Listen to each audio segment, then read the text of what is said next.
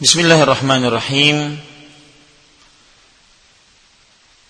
السلام عليكم ورحمة الله وبركاته. إن الحمد لله نحمده ونستعينه ونستغفره ونعوذ بالله من شرور أنفسنا وسيئات أعمالنا. من يهده الله فلا مضل له ومن يضلل فلا هادي له وأشهد أن لا إله إلا الله وحده لا شريك له وأشهد أن محمدا عبده ورسوله. يا أيها الذين آمنوا اتقوا الله حق تقاته ولا تموتن إلا وأنتم مسلمون.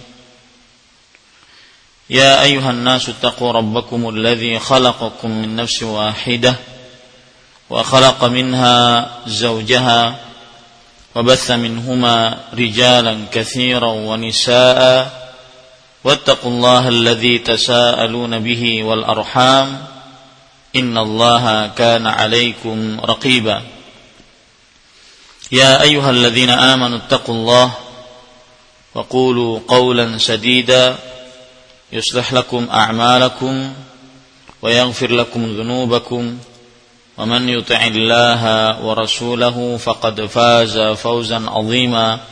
أما بعد فإن أصدق الحديث كتاب الله وخير الهدي هدي محمد صلى الله عليه وعلى آله وسلم وشر الأمور محدثاتها وكل محدثة بدعة وكل بدعة ضلالة وكل ضلالة في النار. Alhamdulillah kita bersyukur pada Allah Subhanahu wa taala. Pada hari ini Ahad malam waktu Indonesia dan sore hari waktu Arab Saudi tanggal 28 Sya'ban 1434 Hijriah kita duduk bersama mengkaji ayat-ayat suci Al-Quran ataupun hadis-hadis Rasul Shallallahu Alaihi Wasallam. Salawat dan salam semoga selalu Allah berikan kepada Nabi kita Muhammad Sallallahu Alaihi Wasallam kepada keluarga beliau dan juga para sahabat serta orang-orang yang mengikuti beliau sampai hari kiamat kelak.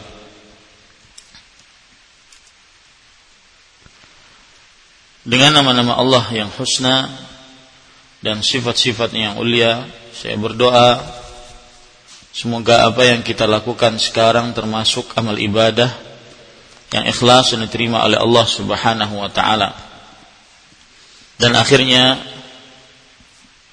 kita mendapatkan ilmu yang bermanfaat dan dengan ilmu tersebut kita beramal sehingga menjadi bekal kelak pada hari kiamat ketika berhadapan dengan Allah Subhanahu wa taala hari hisab. Saya juga berdoa kepada Allah Subhanahu wa taala, Allahumma aslih lana dinana alladhi huwa ismatu amrina wa aslih lana dunyana allati fiha ma'ashuna wa aslih lana akhiratana allati fiha ma'aduna waj'alil hayata ziyadatan lana fi kulli khair waj'alil mauta rahatan lana min kulli syarr.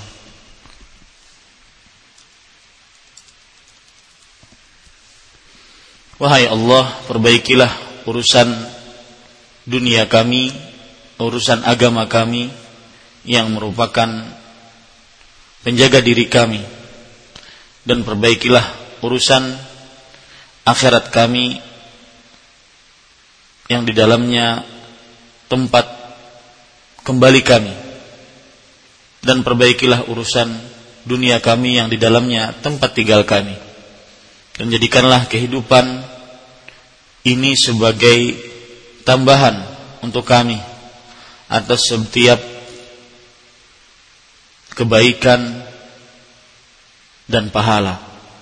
Dan jadikanlah kematian sebagai peristirahatan bagi kami dari setiap dosa dan maksiat Allahumma amin. Bapak Ibu, saudara-saudari yang dimuliakan oleh Allah Subhanahu wa taala. Seperti biasa sebenarnya setiap hari Ahad malam kita membaca kitab Al-Fawaid yang ditulis oleh Al-Allamah Ibnu Qayyim Al-Jauziyah rahimahullahu taala akan tetapi karena tidak ada waktunya lagi untuk meneruskan kajian Islam intensif persiapan menjelang Ramadan bagian yang ketiga yang biasa kita laksanakan pada hari Selasa. Maka untuk pembacaan kitab Al-Fawaid kita pending dulu dan pada malam ini kita akan melanjutkan kajian Islam intensif persiapan menjelang Ramadan Mubarak bulan yang penuh dengan berkah bagian yang ketiga. Mudah-mudahan ini bisa dimaklumi dan insya Allah Ta'ala seperti yang sudah direncanakan dengan beberapa radio yang merilai kajian ini di setiap malam insyaallah taala jam 21 waktu Indonesia Barat dan waktu Indonesia Tengah, waktu Indonesia Timur mengikuti jam sekian yang bertepatan dengan jam 21 malam selepas kita sholat selepas kita mengerjakan sholat taraweh maka akan ada selalu kajian live dari Damam Islamic Cultural Center Damam dakwahsunnah.com dan insya Allah akan ada beberapa radio yang merilai kajian ini dan juga sebagai pemberitahuan kami beritahukan bahwa setiap sebelum sahur kira-kira jam 2 atau setengah tiga sebelum sahur waktu Indonesia Barat akan diadakan juga kajian live yang dapat didengar di dakwahsunnah.com kajian live dari Islamic Cultural Center Damam Arab Saudi dan juga akan dirilai oleh radio-radio yang dapat merilai kajian ini dengan menyesuaikan kegiatan di radio-radio masing-masing. Taib Bapak Ibu saudara-saudari yang dimuliakan oleh Allah Subhanahu wa taala. Ini adalah bagian yang ketiga dari persiapan menjelang Ramadan Mubarak, bulan yang penuh dengan berkah. Seperti yang sudah saya janjikan, bagian ketiga ini adalah persiapan pengetahuan seputar permasalahan-permasalahan yang dibutuhkan dan sering ditanyakan di dalam bulan Ramadan. Jadi, dalam kajian ini nantinya saya akan menyebutkan permasalahan-permasalahan yang banyak tentang Ramadan dan tentang puasa. Oleh sebab itulah kepada radio-radio yang merilai atau kajian-kajian online yang merilai kajian ini apabila ada pertanyaan maka mohon diperhatikan. Mungkin saja pertanyaan tersebut sudah dijawab dalam materi kajian ini. Karena materi kajian ini semuanya adalah menjawab pertanyaan-pertanyaan seputar Ramadan dan puasa. Jadi mohon pertanyaan yang belum dibahas saja yang disampaikan. Jadi mohon diperhatikan baik-baik. Mungkin saja ada pertanyaan-pertanyaan yang ditaya, yang disampaikan nanti sebenarnya dalam materi kajian sudah kita jawab. Sehingga kita bisa memaksimalkan waktu dan bisa menjawab pertanyaan-pertanyaan lain yang mungkin belum saya sampaikan. Bapak Ibu, saudara-saudari yang dimuliakan oleh Allah Subhanahu wa taala,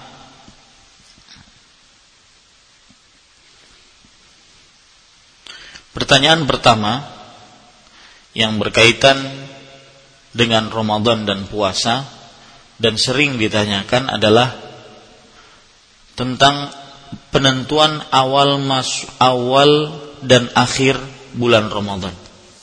Penentuan awal dan akhir bulan Ramadan. Kira-kira kita mengikuti siapa? Dan bagaimana cara menentukannya? Bapak Ibu, saudara-saudari yang dimuliakan oleh Allah Subhanahu wa taala, ketahuilah bahwa Allah Subhanahu wa taala di dalam syariat Islam telah mensyariatkan cara untuk menentukan awal bulan Ramadan yaitu dengan ru'yatul hilal. Artinya melihat hilal awal bulan apabila awal bulan terlihat dengan mata kasat atau sekarang ada alat yang diperbantukan untuk melihat awal bulan tersebut maka pada saat itulah kita semestinya berpuasa. Hal ini berdasarkan firman Allah Subhanahu wa taala dalam surat Al-Baqarah ayat 185 Allah Subhanahu wa taala berfirman faman syahida minkum syahra falyasumhu. Barang siapa yang menyaksikan dari kalian bulan maka hendaklah dia berpuasa padanya. Maksud daripada menyaksikan maksud dari menyaksikan di sini adalah melihat dengan mata. Dan maksud dari bulan adalah awal bulan yaitu yang disebut dengan hilal Ayat ini dengan tegas memberitahukan kepada kita bahwa penentuan awal dan akhir bulan Ramadan hendaklah dengan melihat hilal. Dalam sebuah hadis Nabi Muhammad sallallahu alaihi wasallam bersabda, "Idza ra'aitumuhu fasumu fa'aftiru fa in ghumma 'alaikum fa akmilul 'iddata 30 jika kalian melihat hilal maka berpuasalah kalian. Dan jika kalian melihat hilal maka berbukalah yaitu berhari layah berhari rayalah kalian. Jika tertutup bagi kalian hilal maka sempurnakanlah bulan Sya'ban menjadi 30 hari. Ini juga hadis yang sangat tegas menunjukkan bahwa Nabi Muhammad sallallahu alaihi wasallam memberikan petunjuk kepada kita untuk penentuan awal dan akhir bulan Ramadan dengan cara ru'yatul hilal, melihat hilal. Ada lagi hadis yang lain dengan lafaz yang lain sama diriwayatkan oleh Imam Bukhari dan Muslim. Sumu liru'yatihi wa aftiru liru'yatihi. Berpuasalah kalian karena melihatnya yaitu hilal dan berbukalah yaitu berhari raya, berhari rayalah kalian karena melihatnya yaitu hilal. Dalam hadis yang lain lagi Rasulullah Shallallahu alaihi wasallam bersabda la tasumu hatta tarauhu wa la tuftiru hatta tarauhu. Ini semakin tegas lagi Rasul sallallahu alaihi wasallam. Karena diawali dengan peniadaan kemudian diakhiri dengan penekanan yang menunjukkan bahwa cara menentukan awal dan akhir bulan Ramadan hanya dengan ru'yatul hilal atau kalau tidak bisa yaitu dengan menyempurnakan bulan Sya'ban menjadi 30 hari. Rasulullah Shallallahu alaihi wasallam bersabda, "Janganlah kalian berpuasa sampai kalian melihatnya dan janganlah kalian berbuka yaitu berhari raya sampai kalian melihatnya." Jadi untuk kita negara Indonesia kita patut bersyukur dan kita ajungkan jempol kepada pemerintahan kita yang pada permasalahan ini diakomodir oleh Kementerian Agama. Kementerian Agama telah sesuai penentuan hilalnya dengan ru'yatul hilal, yaitu dengan melihat hilal. Bahkan saya mengetahui bahwa dari unsur-unsur Kementerian Agama yang merupakan panitia penglihatan hilal mereka adalah orang-orang yang merupakan ahli dalam melihat hilal. Oleh sebab itulah kita sebagai rakyat Indonesia mengikuti apa yang ditentukan oleh pemerintah kita Indonesia untuk berhari raya dan juga menentukan awal Ramadan sesuai dengan keputusan pemerintah. Jadi setelah ini kaum muslim jangan bingung manakah yang kita ikuti? Apakah kebijakan pemerintah atau pendapat yang disampaikan oleh salah satu organisasi apa pun yang ada di tengah-tengah masyarakat Indonesia? Maka jawabannya saat kita mengikuti pemerintah Indonesia dalam penentuan awal dan akhir bulan Ramadan. Hal ini disebabkan satu karena pemerintah Indonesia sesuai dengan apa yang dicontohkan di dalam Al-Quran dan Sunnah Nabi Muhammad Sallallahu Alaihi Wasallam dalam perihal penentuan awal dan akhir bulan Ramadan. Yang kedua, karena pemerintah Indonesia lah yang dalam hal ini diakomodir oleh Kementerian Agama. Mereka lah yang berwenang untuk menentukan awal dan akhir bulan Ramadan.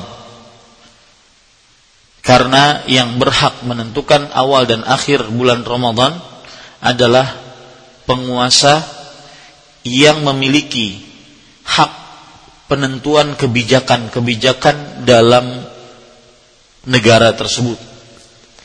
Hal ini sebagaimana yang terjadi di zaman Rasulullah sallallahu alaihi wasallam dan juga di zaman para sahabat Nabi radhiyallahu anhum sepeninggal Rasulullah sallallahu alaihi wasallam bahwa tidak ada yang menentukan awal dan akhir bulan Ramadan kecuali pemerintah yang berwenang yang mempunyai kekuasaan untuk menentukan kebijakan-kebijakan di tengah-tengah masyarakat. Dan dalil-dalil yang menunjukkan akan hal itu sangat banyak sekali. Di antaranya Rasulullah Shallallahu Alaihi Wasallam bersabda, "As-saumu yauma tasumun wal fitru yauma tuftirun. Hadis riwayat Tirmidzi. Berpuasa pada hari kalian seluruhnya berpuasa dan berbuka pada hari kalian seluruhnya berbuka. Dan manusia atau kaum muslim tidak bisa berpuasa kecuali ketika mereka sudah ditentukan oleh penguasa bahwa awal dan akhir bulan Ramadan adalah adalah B, adalah C. Dalil yang lain yang menunjukkan akan hal bahwa pemilik kekuasaan dari penentuan kebijakan awal dan akhir bulan Ramadan adalah pemerintah yaitu sebuah hadis riwayat Imam Muslim diceritakan bahwa Quraib rahimahullahu taala diutus oleh Ummul Fadl bintul Harith ke negeri Syam menemui Muawiyah. Setelah sampai di Syam dan Ummul Fadl bintul Harith selesai menunaikan keperluannya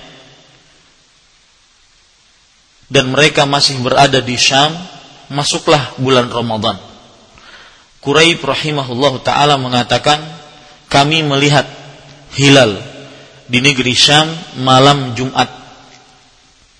Kemudian pada akhir bulan Ramadan Quraib rahimahullah taala pulang ke kota Madinah Sesampainya di kota Madinah, Abdullah bin Abbas radhiyallahu anhu bertanya kepada Quraib, "Mata ra'aitumul hilal?"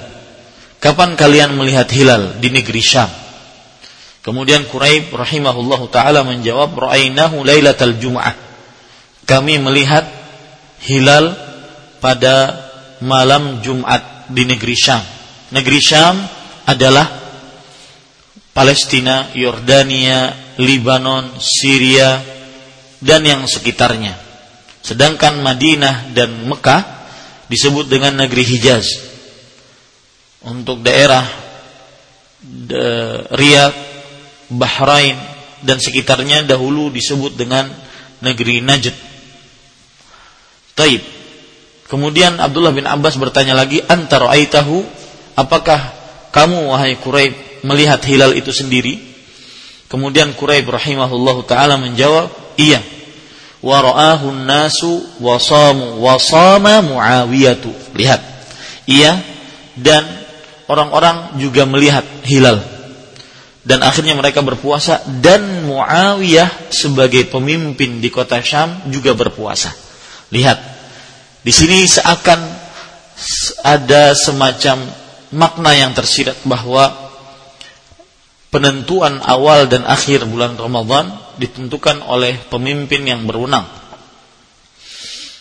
Para ikhwah yang dirahmati oleh Allah Subhanahu wa taala, kemudian Abdullah bin Abbas radhiyallahu anhu berkata, akan tetapi lakinna ra'ainahu lailatas sabt fala nazalu nasumu hatta nukmila thalathin aw narahu.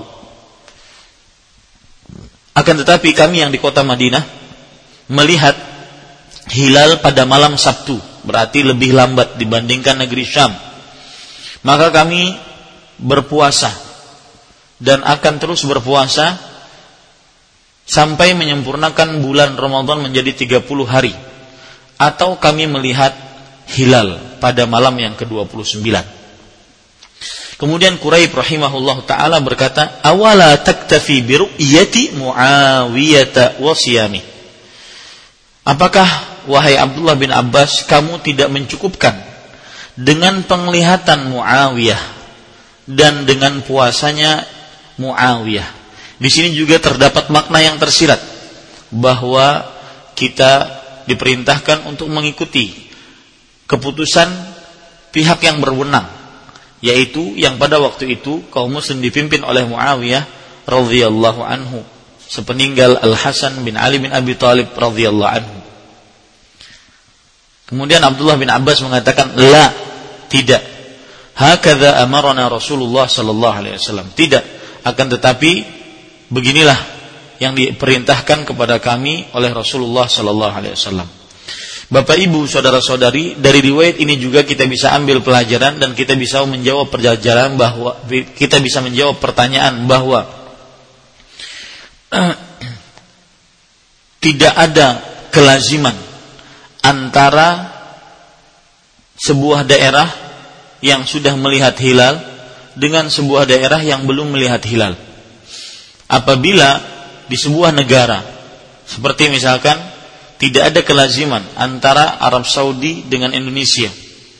Apabila di negeri Arab Saudi belum terlihat hilal dan di Indonesia sudah terlihat hilal, meskipun waktu Indonesia lebih dahulu dibandingkan Arab Saudi, maka tetap saja di negeri uh, di negeri Arab Saudi sesuai dengan penglihatannya, yaitu belum terlihat hilal.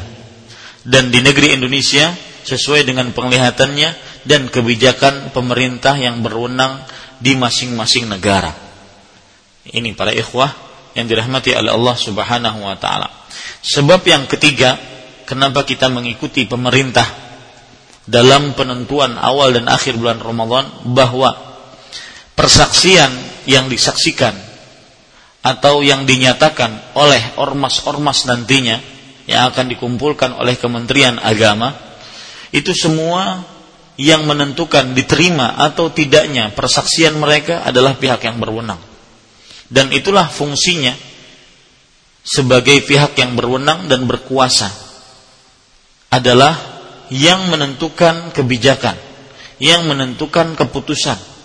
Apabila misalkan ada salah satu dari penglihat hilal dari salah satu organisasi masyarakat melihat hilal pada malam Selasa yaitu Senin malam maka dia harus menyampaikan persaksian dia ke hadapan pemerintah. Apabila persaksiannya diterima, karena mungkin sesuai dengan penglihatan-penglihatan organisa eh, eh, panitia ru'yah dari pemerintah juga melihat, maka walhamdulillah. Apabila tidak diterima, maka mereka harus lugo. Bukan berarti organisasi masyarakatnya yang bermasalah atau persaksian atau yang menjadi saksi yang bermasalah. Akan tetapi mungkin pemerintah mempunyai pertimbangan-pertimbangan lain. Di antaranya mungkin panitia-panitia yang melihat hilal belum melihat hilal kebanyakan dibandingkan yang melihat hilal. Masih banyak lain yang eh, sebab-sebab kenapa persaksian kadang-kadang tidak diterima yang jelas apabila ada yang melihat kemudian dia berani bersaksi bahwasanya saya melihat hilal maka persaksiannya tersebut pun masih di bawah kewenangan Kementerian Agama. Apakah diterima atau tidak diterima? Begini akan menjadi suara umat Islam dalam penentuan awal dan akhir bulan Ramadan terutama di negara kita akan menjadi satu. Dan usahakan tidak ada yang angkat bicara dalam penentuan kebijakan awal dan akhir bulan Ramadan kecuali pihak yang berkuasa. Karena akan menjadi satu. Terutama lagi apabila ada ormas-ormas, organisasi masyarakat, organisasi yang masyarakat yang menentukan hilal tidak sesuai dengan sunnah Rasul Shallallahu Alaihi Wasallam, bukan dengan cara ru'yah hilal, maka semestinya lebih harus berdiam diri lagi. Kenapa? Karena yang dianjurkan dan disyariatkan dalam agama Islam untuk menentukan awal dan akhir bulan Ramadan hanyalah dengan dua cara, yaitu dengan ru'yatul hilal dan dengan menyempurnakan bulan Sya'ban menjadi 30 jika hilal tidak terlihat pada malam atau pada 29 malam bulan Sya'ban. Bapak Ibu, saudara-saudari yang dimuliakan oleh Allah Subhanahu wa taala, itu beberapa permasalahan berkenaan dengan penentuan awal dan akhir bulan Ramadan. Sekarang permasalahan selanjutnya yaitu berpindah dari satu daerah ke daerah lain yang berbeda waktu puasa dalam waktu dalam puasa. Misalkan waktu Indonesia Barat lebih dahulu dibandingkan waktu Indonesia tengah, dan timur. Yang terjadi misalkan adalah seorang di, di pagi hari dia berpuasa di daerah waktu Indonesia Barat, anggaplah di Jakarta. Kemudian dia karena satu dan lain hal keperluan dia kemudian naik pesawat dan tetap dalam keadaan berpuasa karena menganggap perjalanan sangat mudah dan ini juga kita akan bicarakan permasalahannya bagaimana keadaan orang berpuasa dengan safar. Dia bepergian ke Papua. Yang Papua adalah waktu Indonesia Timur. Sekitar dua jam lebih lama dibandingkan waktu Indonesia Barat. Maka Bapak Ibu, saudara-saudari yang dimuliakan oleh Allah Subhanahu wa taala, dalam hal ini, bagaimana dia berbuka? Apakah dia berbuka puasa mengikuti waktu Indonesia Barat yang di pagi hari dia berpuasa di sana? Atau dia mengikuti waktu Indonesia Timur yang sekarang dia ada di sana, yaitu di Indonesia Timur, di Papua. Maka jawabannya kita dapatkan dalam sebuah hadis Rasulullah Shallallahu Alaihi Wasallam bersabda, As-sawmu yawma tasumun wal fitru yawma tuftirun wal adha yawma tudahun. Berpuasa pada hari kalian seluruhnya berpuasa dan berbuka pada hari kalian seluruhnya berbuka dan sholat Idul Adha pada hari kalian seluruhnya berkurban. Bapak Ibu, saudara-saudari yang dimuliakan oleh Allah, hadis ini merupakan dasar hukum bahwa apabila kita berpindah tempat ketika kita berpuasa, maka kita mengikuti di mana kita berada pada waktu itu. Baik dalam perkara berbuka atau dalam perkara bersahurnya. Seperti yang saya ilustrasikan tadi, seorang di pagi hari dia berada di waktu di daerah waktu Indonesia Barat di Jakarta. Sore hari dia berada di e, Papua atau di Irian Jaya. Kemudian dia berbuka di sana. Waktu berbuka yang dia ikuti adalah waktu Irian Jaya. Wallahu a'lam. Taib, Bapak Ibu, saudara-saudari yang dimuliakan oleh Allah Subhanahu wa taala. Sekarang permasalahan selanjutnya yang sering kita dapati juga yaitu orang yang terkadang tidak mempunyai akal. Terkadang hilang akalnya. Ya. Kadang dia sadar kadang dia e, hilang ingatan. Maka bagaimana orang ini berpuasa? Maka dikatakan Bapak Ibu saudara-saudari yang dimuliakan oleh Allah Subhanahu wa taala apabila dia terkadang sadar dan terkadang gila atau hilang ingatan maka pada saat dia sadar diwajibkan baginya berpuasa. Diwajibkan baginya berpuasa. Dan jika hilang ingatan di saat-saat siang hari bulan Ramadan, padahal di pagi harinya dia sudah berpuasa. Ya, dia berniat berpuasa karena dia sadar ternyata di siang hari datang gilanya, datang tidak sadarnya. Maka puasanya tidak batal sebagaimana seorang yang pingsan karena sakit atau lainnya. Asalkan di awal hari dia sudah berniat atau di malam hari dia sudah berniat dan dia dalam keadaan berakal dan tidak ada dalil yang membatalkan puasanya. Ini berarti sama juga kalau seandainya ada orang yang berpuasa dari pagi hari puasa Ramadan di pagi hari. Ternyata jam 12 siang dia pingsan. Kemudian jam 3 sore dia bangun. Sadar kembali, maka jawabannya orang seperti ini puasanya sah dan tidak batal. Karena tidak ada dalil yang membatalkan puasanya. Sedangkan dia dari awal sudah berpuasa. Ini Bapak Ibu, saudara-saudari yang dimuliakan oleh Allah Subhanahu wa taala.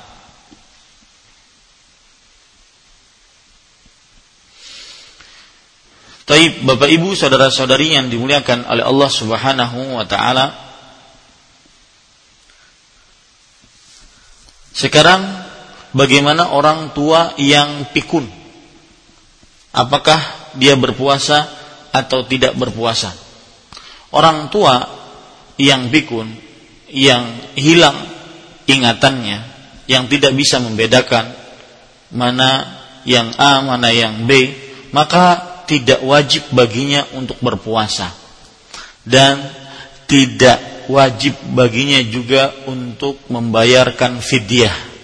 Kenapa? Karena sudah jatuh darinya beban tanggung jawab untuk berpuasa dengan hilang ingatannya tadi.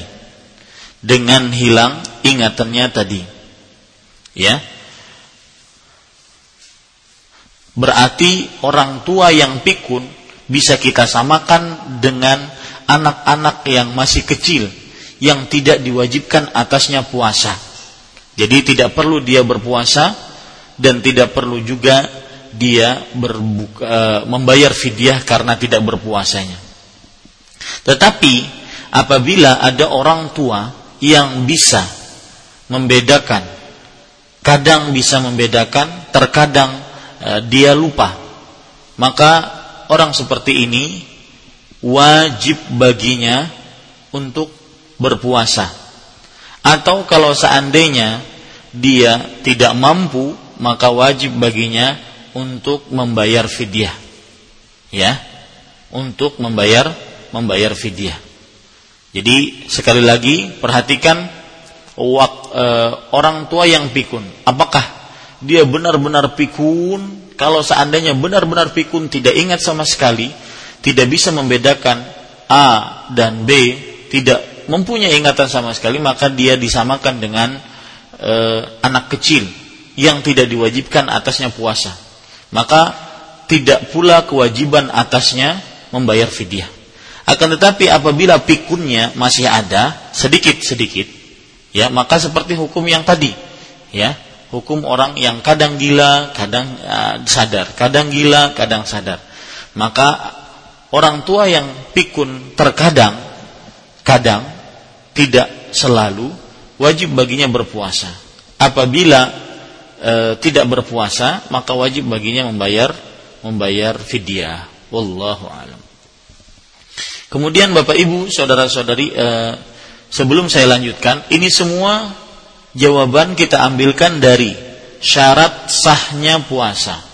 Kita ingat bahwa syarat sahnya puasa itu ada lima atau syarat-syarat puasa ada lima. Yang pertama Islam. Orang Muslim diwajibkan dan sah puasanya. Yang kedua yaitu balir. Seorang Muslim yang balir dia diwajibkan untuk berpuasa. Ya, diwajibkan untuk berpuasa dan sah puasanya. Kemudian seorang e, syarat yang ketiga yaitu ma yaitu berakal. Nah, ini dia. Seorang yang berakal maka sah puasanya. Ya, sah puasanya dan diwajibkan atas dia untuk berpuasa. Apabila dia tidak berakal, maka tidak diwajibkan bagi dia untuk berpuasa. Nah, seperti itu. Ya, makanya dengan e, mengetahui syarat-syarat puasa, kita bisa menjawab pertanyaan tentang orang gila dan orang pikun dalam permasalahan puasa tadi. Wallahu alam. Kemudian Bapak Ibu saudara-saudari yang dimuliakan oleh Allah Subhanahu wa taala. Permasalahan selanjutnya, waktu berniat puasa Ramadan. Maka jawabannya waktunya adalah malam, yaitu dalam sebuah hadis Rasulullah sallallahu alaihi wa alihi wasallam bersabda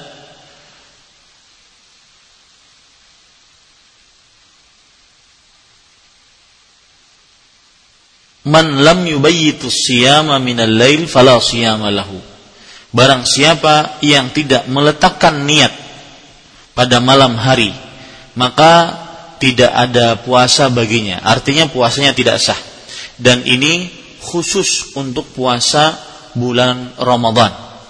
Adapun puasa sunnah maka bisa dilakukan di pagi hari atau di siang hari selama dia belum makan pada dari mulai terbit fajar kedua. Tapi khusus untuk bulan Ramadan maka waktu niat puasanya adalah di malam hari berdasarkan hadis tadi. Cuma sekarang permasalahan selanjutnya yang berkaitan dengan niat puasa Apakah cukup berniat puasa Ramadan di malam pertama dengan niat berpuasa sebulanan penuh? Atau setiap malam harus berniat? Atau setiap malam harus berniat? Maka jawabannya ada pada hadis Rasul riwayat Bukhari. Rasulullah Shallallahu Alaihi Wasallam bersabda Inna likulli imri'in manawa sesungguhnya setiap orang sesuai dengan apa yang ia niatkan. Berarti apabila seseorang di malam hari di awal di malam pertama saya ulangi di malam pertama bulan Ramadan dia berniat untuk berpuasa sebulanan penuh maka niatnya itu sudah mencukup mencukupi bagi dia untuk malam-malam berikutnya untuk malam-malam berikutnya kecuali apabila niatnya terputus seperti misalkan wanita yang haid selama 6 atau 7 atau 8 hari maka berarti niatnya terputus otomatis setelah dia bersih lagi dari haidnya, dia berniat kembali untuk menyempurnakan sisa-sisa hari puasa di dalam bulan Ramadannya. Jadi sekali lagi apabila ada orang yang berniat dari awal bulan Ramadan dia dari malam pertama bulan Ramadan dia berniat untuk berpuasa satu bulan penuh bulan Ramadan maka itu sudah mencukupi niat baginya tidak perlu lagi dia berniat pada setiap malamnya. Itu satu. Tetapi apabila ada orang yang berniat di setiap malam, maka ini juga tidak mengapa. Wallahu a'lam. Kemudian Bapak Ibu saudara-saudari yang dimuliakan oleh Allah Subhanahu wa taala, permasalahan selanjutnya yang perlu diketahui oleh kaum muslim adalah permasalahan imsak. Imsak artinya menahan yaitu menahan makan, minum, dan seluruh yang membatalkan puasa. Di tengah-tengah masyarakat umum Islam di negara kita, biasa di kalender-kalender atau juga di tengah-tengah masyarakat kita sudah dikenal waktu imsak. Maka ketahuilah bahwa waktu imsak bukan waktu untuk menahan makan, minum, dan seluruh yang membatalkan puasa.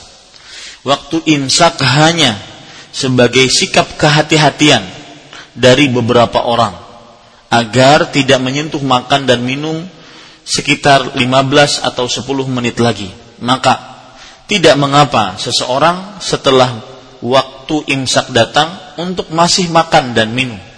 Karena seorang yang berpuasa dilarang untuk makan dan minum dan seluruh yang membatalkan puasa adalah hanya pada fajar yang kedua. Hal ini sebagaimana sebuah hadis riwayat Imam Ibnu Khuzaimah dari Abdullah bin Abbas radhiyallahu anhu Rasulullah sallallahu alaihi wasallam bersabda al-fajru fajran. Waktu fajar itu ada dua dua fajar.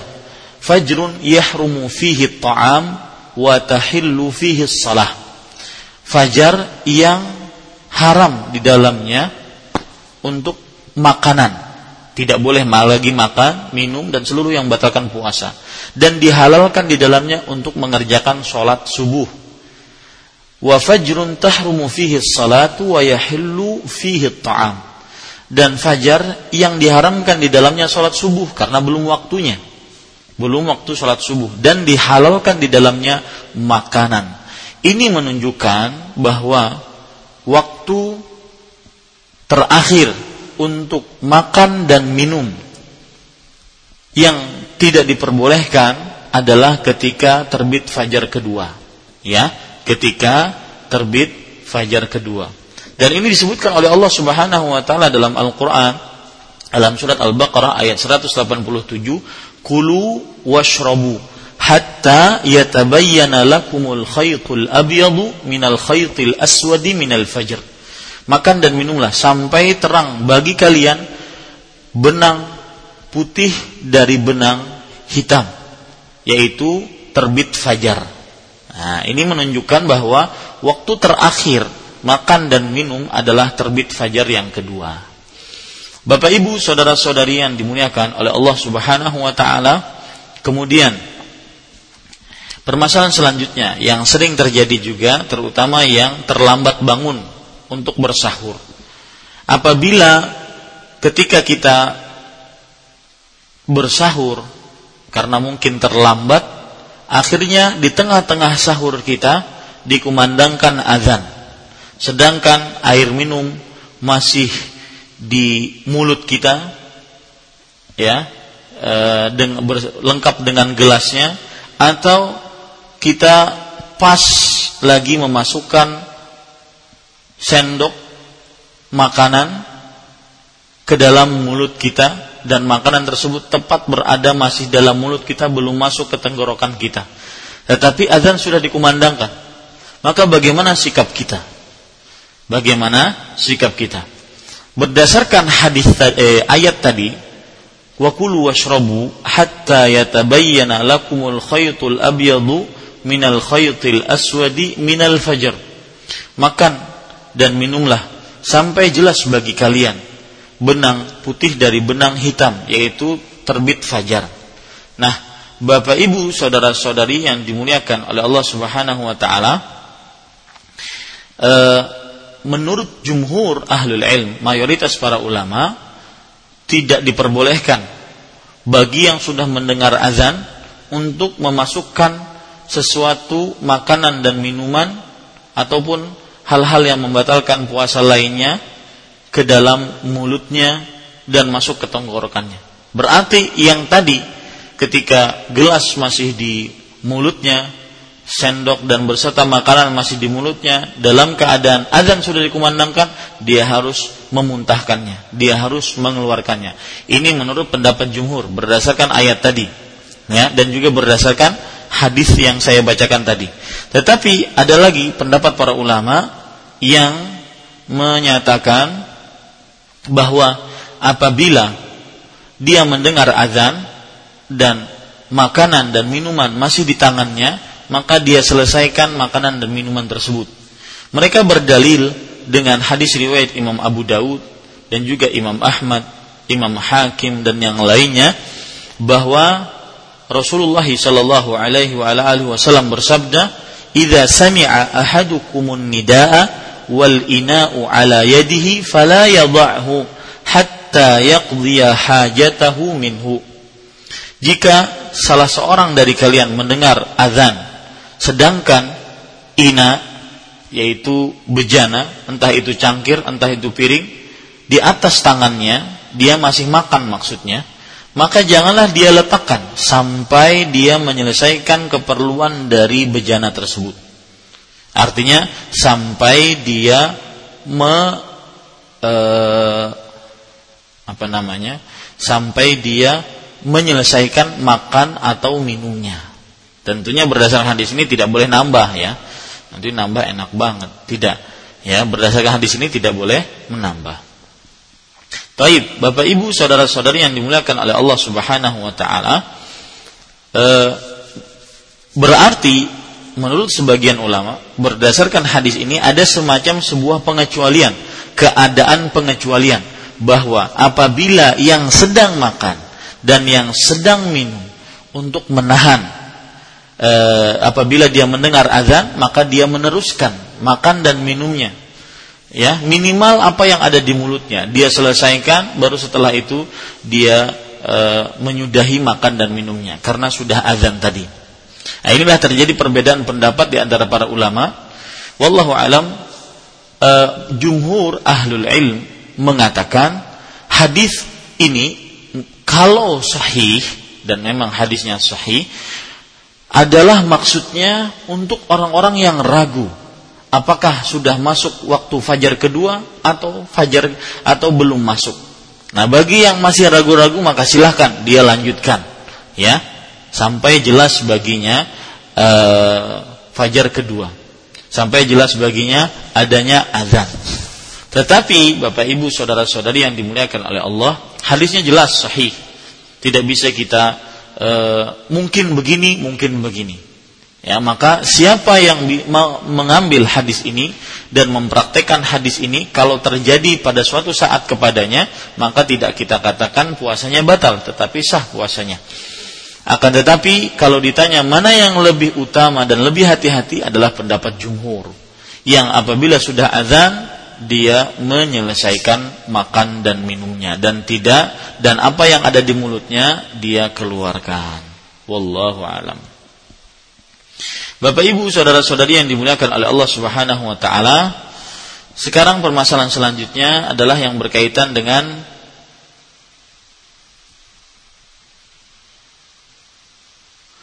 apabila ada orang sakit yang sembuh ketika siang hari Ramadan. Seorang sakit yang sembuh ketika siang hari bulan Ramadan. Maksudnya apa ini? Maksudnya adalah dia sakit di awal hari bulan Ramadan. Dari pagi hari dia sakit, tidak berpuasa karena sakitnya tadi. Dan orang sakit diperbolehkan untuk tidak berpuasa, asalkan jangan berpura-pura sakit. Memang dia sakit yang tidak sanggup untuk berpuasa. Allah berfirman, "Faman syahida minkum syahra falyasum." Barang siapa yang di antara kalian, eh, afwan, eh, faman kana minkum maridan aw ala safarin fa'iddatun min ayyamin ukhra. Barang siapa di antara kalian yang sakit atau bepergian, maka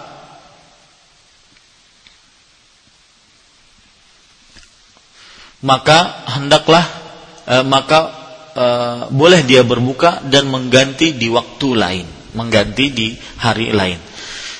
Nah, sekarang permasalahannya apabila dia sakit di pagi hari, kemudian e, ternyata siang hari atau di sore hari dia sembuh.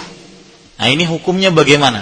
Apakah dia masih e, boleh makan dan minum atau dia menahan makan dan minumnya? Maka Bapak Ibu saudara-saudari yang dimuliakan oleh Allah Subhanahu wa taala kita katakan seperti ini. Apabila ada orang yang sakit kemudian dia sembuh atau orang yang haid kemudian dia suci atau orang yang bepergian kemudian dia e, sampai ya dari bepergian di pagi hari dia tidak berpuasa karena bepergiannya menyulitkan dia dan membahayakan dia untuk berpuasa. Akhirnya dia berbuka. Ternyata di siang hari dia sampai rumahnya. Otomatis dia dalam keadaan berbuka. Nah, kira-kira permasalahannya sekarang, kalau sudah dia sampai ke rumahnya, apakah dia masih boleh makan dan minum atau dia menahan makan dan minumnya? Maka Bapak Ibu, saudara-saudari yang dimuliakan oleh Allah Subhanahu wa taala, Orang-orang seperti ini haid. Yang apabila dia haid kemudian di siang hari dia bersih ya atau musafir. Dari pagi hari dia tidak berbuka, eh, tidak berpuasa kemudian siang hari dia sampai ke rumahnya atau sakit di pagi hari dia tidak berpuasa kemudian dia siang hari atau sore harinya dia e, sembuh maka orang seperti ini hukumnya sama ya semuanya sama yaitu tidak wajib baginya untuk menahan. Karena tidak ada manfaatnya dia menahan. Lawang dari hari pertama dia e, dari awal hari dia sudah berbuka. Ya tidak ada manfaatnya. Tetapi wajib baginya qadha. Ya wajib baginya qadha. Ini Bapak Ibu saudara-saudari. Akan tetapi perlu diingat ya perlu diingat bahwa untuk menghormati orang-orang yang berpuasa dan menghormati bulan Ramadan yang sangat identik dengan puasa, maka Bapak Ibu, saudara-saudari yang dimuliakan oleh Allah Subhanahu wa taala, dia tidak diperbolehkan atau tidak seyogianya, tidak sepantasnya dia makan dan minum di tengah-tengah orang berpuasa atau memperlihatkan dia makan dan minum. Nah, ada perkataan dari Abdullah bin Abbas, uh, Abdullah bin Mas'ud yang bisa kita ambil di sini yaitu man akala awwalan nahari falyakul akhirahu. Barang siapa yang sudah berbuka di di di di pagi hari maka dia boleh makan sampai sore harinya. Ini menunjukkan sekali lagi Bapak Ibu, saudara-saudari yang dimuliakan oleh Allah Subhanahu wa taala, apabila seorang wanita haid di pagi hari dia masih haid ya otomatis dia tidak berpuasa. Kemudian ternyata di siang hari jam 1 jam 2 dia bersih dia mandi otomatis dia bersih sekarang. Ya maka pada saat itu tetap dia e, tidak wajib baginya untuk menahan makan dan minum. Dia masih boleh makan minum karena pada asalnya memang dia berbuka. Begitu juga seorang musafir. Di dalam keadaan musafirnya di pagi hari dia dia berbuka. Ternyata di siang hari dia sampai rumahnya maka orang seperti ini dia tetap boleh makan dan minum dan tidak ada kewajiban menahannya. Nah, begitu juga orang yang sakit. Apabila di pagi hari dia sakit, ternyata di siang hari, di tengah-tengah hari Ramadan dia sembuh. Maka orang seperti ini dia juga tidak ada kewajiban untuk menahan makan dan minumnya. Tetapi wajib baginya di lain hari untuk mengkodok. Cuma seperti yang saya katakan tadi untuk menghormati orang-orang yang sedang berpuasa dan menghormati syiar-syiar Allah yaitu berpuasa di bulan Ramadan, maka tidak pantas bagi dia untuk memperlihatkan makan dan minumnya di tengah-tengah orang puasa. Wallahu alam. Kemudian Bapak Ibu, saudara-saudari yang dimuliakan oleh Allah Subhanahu wa taala, permasalahan ringan yang akan saya sebutkan sekarang adalah apa hukumnya berpuasa tapi dipenuhi dengan tidur saja? Maka jawabannya, kalau tidurnya melalaikan dari sholat sholat wajib, maka puasanya tidak bermanfaat dan batal puasanya. Kalau tidurnya sengaja dia tidur, kemudian sengaja dengan tidurnya tersebut dia melalaikan salat-salat wajib, maka e, tidak bermanfaat puasanya. Karena orang yang meninggalkan sholat dengan sengaja tanpa ada alasan yang dibenarkan oleh syariat, maka hukumnya dia kafir. Sebagaimana sebuah hadis riwayat Muslim Rasulullah Shallallahu Alaihi Wasallam bersabda, "Bainar rojuli wa baina syirki wal kufri tarkus salah." Jarak antara seseorang dan dengan kesyirikan dan kekafiran adalah meninggalkan sholat. Artinya kalau sudah meninggalkan sholat, maka tidak ada jarak sama sekali antara seseorang dengan kesyirikan dan kekafiran. Dan orang kafir atau orang musyrik tidak sah baginya berpuasa. Nah ini Bapak Ibu saudara-saudari. Tetapi apabila tidurnya tadi eh, siang hari bulan Ramadan dia penuhi dengan tidur saja. Ya, dia bangun hanya untuk sholat sholat wajib, maka kita katakan puasanya sah karena tidak ada yang membatalkan puasanya. Akan tetapi tidak sepantasnya seorang yang berpuasa untuk melakukan seperti itu. Apalagi nanti didalili atau didasari dengan dalil yang sangat lemah sekali. Seperti misalkan sebuah hadis yang berbunyi naumus saimi ibadah. Puasanya orang yang eh, apa tidurnya orang yang berpuasa itu adalah ibadah. Hadis ini salah satu perawinya ada yang bernama Sulaiman An-Nakhai. Dan beliau ini adalah seorang yang suka memalsukan hadis. Dan di sana ada perawi-perawi yang lain yang lemah juga yang terdapat dalam riwayat ini. Jadi hadisnya sangat-sangat lemah sekali. Ya, tidak pantas untuk kita berdalil dengannya. Taib. Bapak Ibu saudara-saudari yang dimuliakan oleh Allah Subhanahu wa taala. Kemudian permasalahan selanjutnya adalah bagi orang tua yang tidak sanggup untuk berpuasa atau orang sakit yang tidak sanggup untuk berpuasa dan sakitnya terus-menerus dan sulit diharapkan kesembuhannya. Bagaimana orang seperti ini? Maka jawabannya mereka-mereka ini boleh berbuka tetapi wajib membayar fidyah. Saya ulangi, huk, e, permasalahan selanjutnya adalah bagi orang yang tua, sangat tua renta yang tidak sanggup lagi untuk berpuasa. Ya. Akalnya masih ada tetapi dia tidak sanggup untuk berpuasa. Maka orang seperti ini boleh dia untuk berbuka. Tetapi dia wajib membayar fidyah atau orang yang sakit yang sakitnya terus menerus sulit diharapkan kesembuhannya. Dengan sakit tersebut dia tidak mampu untuk berpuasa. Seperti sakit pada perutnya kalau dia berpuasa, ya. Seperti sakit yang sangat mengganggu kalau seandainya dia berpuasa mungkin dia akan e, bisa merenggut nyawanya bahkan kalau seandainya dia berpuasa dan sangat berbahaya bagi dirinya dan itu selalu dia rasakan setiap tahun dan terus menerus. Maka orang seperti ini boleh untuk berbuka dan dia membayar fidyah. Beda dengan orang yang sakit uh, sesekali saja. Misalkan sakit demam tinggi yang mengakibatkan dia tidak bisa berpuasa. Ya, tapi demamnya tersebut sesekali saja. Maka orang seperti ini boleh dia tidak berpuasa pada hari sakitnya tersebut dan dia mengkodok. Beda dengan sakit yang sekarang ini. Nah sekarang permasalahannya bagaimana tata cara membayar fidyah. Tata cara membayar fidyah ada dua. Yang pertama yaitu dia memberikan satu setengah kilo beras kepada orang miskin sebanyak hari yang dia tidak berpuasa. Misalkan hari tidak berpuasa dia 30 hari. Maka berarti 30 orang fakir miskin dia kasih setiap fakir miskinnya satu setengah kilo berasnya. Ya, berarti kira-kira berapa itu? E, 45 kilo.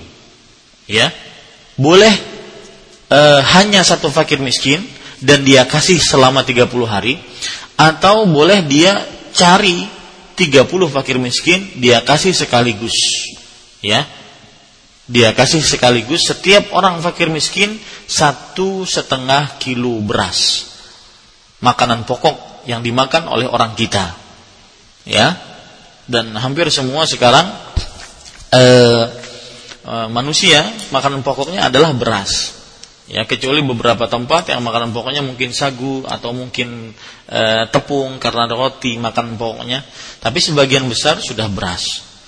Nah ini berdasarkan sebuah hadis riwayat Bukhari dan Muslim bahwa Nabi Muhammad Shallallahu Alaihi Wasallam pernah berkata kepada Kaab ibn Ujrah au at'im sittata masakin likulli miskinin nisfu sa'in atau berikan makan kepada enam orang fakir miskin. Karena beliau tidak berpuasa selama enam hari. Setiap miskin mendapatkan setengah sa' dan satu sa' nabawi itu adalah empat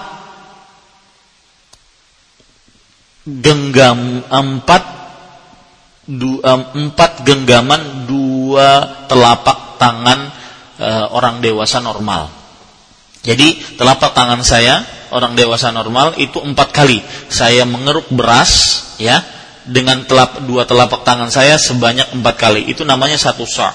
Nah e, di sini disebutkan nisfu sa setengah sa berarti dua kali genggaman dua telapak tangan saya ya lelaki normal dewasa yang yang normal. Nah ini Bapak Ibu saudara-saudari yang dimuliakan oleh Allah Subhanahu wa taala. Kalau kita ingin kilokan, maka e, satu sok kira-kira tiga kilo. Berarti sekitar satu setengah kilo beras ya. Wallahu alam. Cara yang kedua yaitu kita membuat makanan atau kita membeli makanan. Kemudian kita kasih makan seorang fakir miskin. Atau kita kasih makan fakir miskin sebanyak hari yang kita tidak berpuasa seperti yang terjadi kepada Anas bin Malik radhiyallahu anhu beliau karena sudah tua, ya, beliau tidak berpuasa selama sebulan. Maka akhirnya beliau beri fakir miskin, 30 fakir miskin, beliau beri makanan. Ya, satu kali makan saja. Satu kali makan saja. Misalkan eh, satu porsi ya, yang isinya ada nasi, ada lauk, ada eh, sayur, ya cukup. Itu kita kasih. Itu sudah mencukupi untuk satu hari puas e, sebagai pembayaran satu hari e, puasa kita. Atau fidyah dari satu hari yang puasa yang kita tidak berpuasa pada hari tersebut. Ya. Coba perhatikan hadis riwayat Bukhari bahwa Anas bin Malik radhiyallahu anhu pernah berkata e, Anas bin Malik pernah diriwayatkan at'ama ba'dama kabura aman au amain kulla yaumin miskinan khubzan walahman wa aftar. Anas bin Malik radhiyallahu anhu memberikan uh, beliau tidak berpuasa setelah beliau tua. Ya, ini seperti yang kita sebutkan tadi karena sebabnya tua. Satu tahun atau dua tahun. Setiap hari seorang miskin beliau kasih satu roti dan daging. Jadi beliau membuat makanan roti dan daging, kemudian beliau kasihkan kepada fakir miskin tersebut. Kemudian beliau tidak berpuasa. Ya, ini Bapak Ibu saudara-saudari yang dimuliakan oleh Allah Subhanahu wa taala. Taib. Jadi caranya dua tadi, memberikan beras atau memberikan makanan yang sudah jadi. Taib. Kemudian Bapak Ibu saudara-saudari yang dimuliakan oleh Allah Subhanahu wa taala, sekarang permasalahan antara puasa dan bepergian. Permasalahan seputar puasa dan bepergian. Permasalahan pertama yaitu orang yang sering bepergian seperti para supir. Supir-supir bis eh, internasional ya bis-bis antar negara atau supir-supir eh, kontainer yang berbulan-bulan mereka di dalam bepergian. Maka maka bagaimana berpuasanya maka jawabannya Bapak Ibu saudara-saudari yang dimuliakan oleh Allah Subhanahu wa taala Orang seperti ini masuk ke dalam uh, ayat suci Al-Quran surat Al-Baqarah ayat 185. Allah Subhanahu wa taala berfirman, "Wa man kana maridan aw ala safarin fa iddatun min ayyamin ukhra."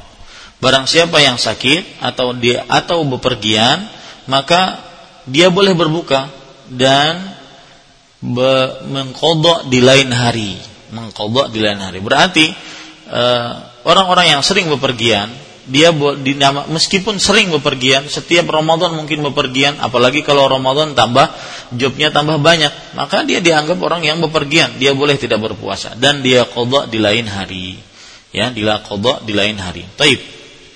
Kemudian Bapak Ibu saudara-saudari, kalau kita bepergian, mana yang kita ambil? Apakah berpuasa ataukah kita e, berbuka? Maka jawabannya bisa saya katakan di sini bahwa orang yang bepergian dengan puasa itu ada tiga keadaan. Keadaan yang pertama yaitu bepergiannya ini, safarnya ini sangat menyulitkan dia dan membahayakan dia kalau seandainya dia berpuasa. Maka orang seperti ini diharamkan baginya untuk berpuasa dan wajib baginya untuk berbuka. Karena dia wajib menjaga dirinya. Allah Subhanahu wa taala berfirman dalam surat An-Nisa ayat 29, "Wala taqtulu anfusakum innallaha kana bikum rahima." Janganlah kalian membunuh diri kalian sendiri. Sesungguhnya Allah Subhanahu wa taala e, Maha penyayang kepada kalian.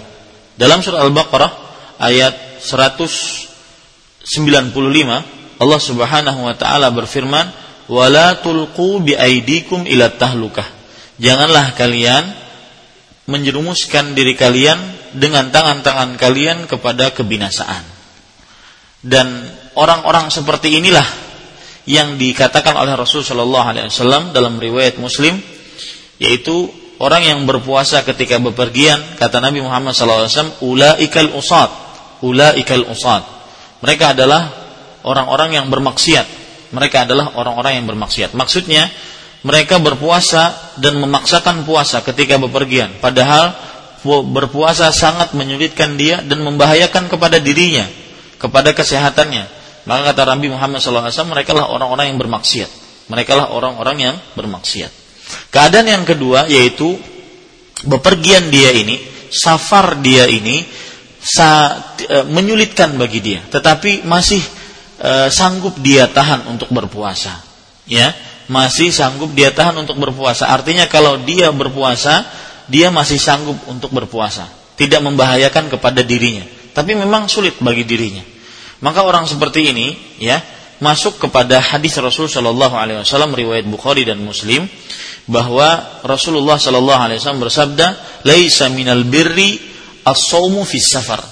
Bukan dari kebajikan berpuasa di dalam bepergian. Nah ini untuk bagian untuk keadaan orang yang kedua, yaitu bepergiannya menyulitkan tetapi tidak membahayakan tubuhnya. Kalau dia paksakan, dia akan bisa untuk berpuasa dan tidak membahayakan kepada kesehatannya. Masuk ke dalam hadis ini, laisa minal birri as-saumu safar, bukan dari kebajikan berpuasa dalam bepergian. Maka disarankan orang seperti ini untuk berbuka. Lebih baik dia berbuka. Dalam lafaz riwayat Imam An-Nasai, Rasulullah sallallahu alaihi wa alihi wasallam bersabda, "Innahu laisa minal birri as-shaumu fi safar wa 'alaikum bi rukhsatillahi allati rakhasa lakum faqbaluha." Sesungguhnya bukan dari kebajikan berpuasa ketika bepergian dan hendaknya kalian mengambil keringanan dari Allah yang Allah telah ringankan untuk kalian, maka terimalah keringanan tersebut.